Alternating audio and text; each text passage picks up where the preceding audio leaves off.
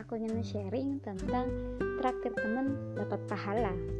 Teman-teman tahu nggak sebesar apa pahala dari traktir teman? Yaitu sebesar orang yang kita traktir melakukan amal soleh. Misal, kalau dia sholat, kita dapat pahala sholatnya. Kalau dia baca Al-Quran, kita dapat juga pahalanya. Dan seterusnya. Dan bahkan, kata Ustadz Khalid dan Dr. Zaidul Akbar, ini termasuk amal jariah teman-teman. Karena apa? Karena ketika kalian traktir teman-teman makan makanan itu gak seluruhnya jadi kotoran gak sepenuhnya hilang. Tapi sebagian menjadi darah menjadi daging dan menjadi otot. Jadi beruntung banget nih buat uh, teman-teman yang sering traktir teman-temannya. Berarti uh, teman-teman udah dapat pahala amal soleh yang mereka kerjakan.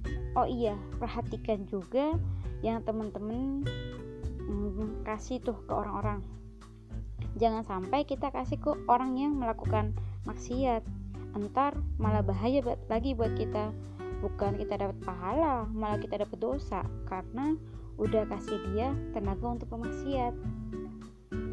Kalau kita nggak tahu orangnya gimana ya ya udah nggak apa-apa insya Allah Allah catat sebagai amal baik karena niat kita baik cuma kita nggak tahu dia ahli maksiat. Nah itu aja sih aku ingin sharing hari ini.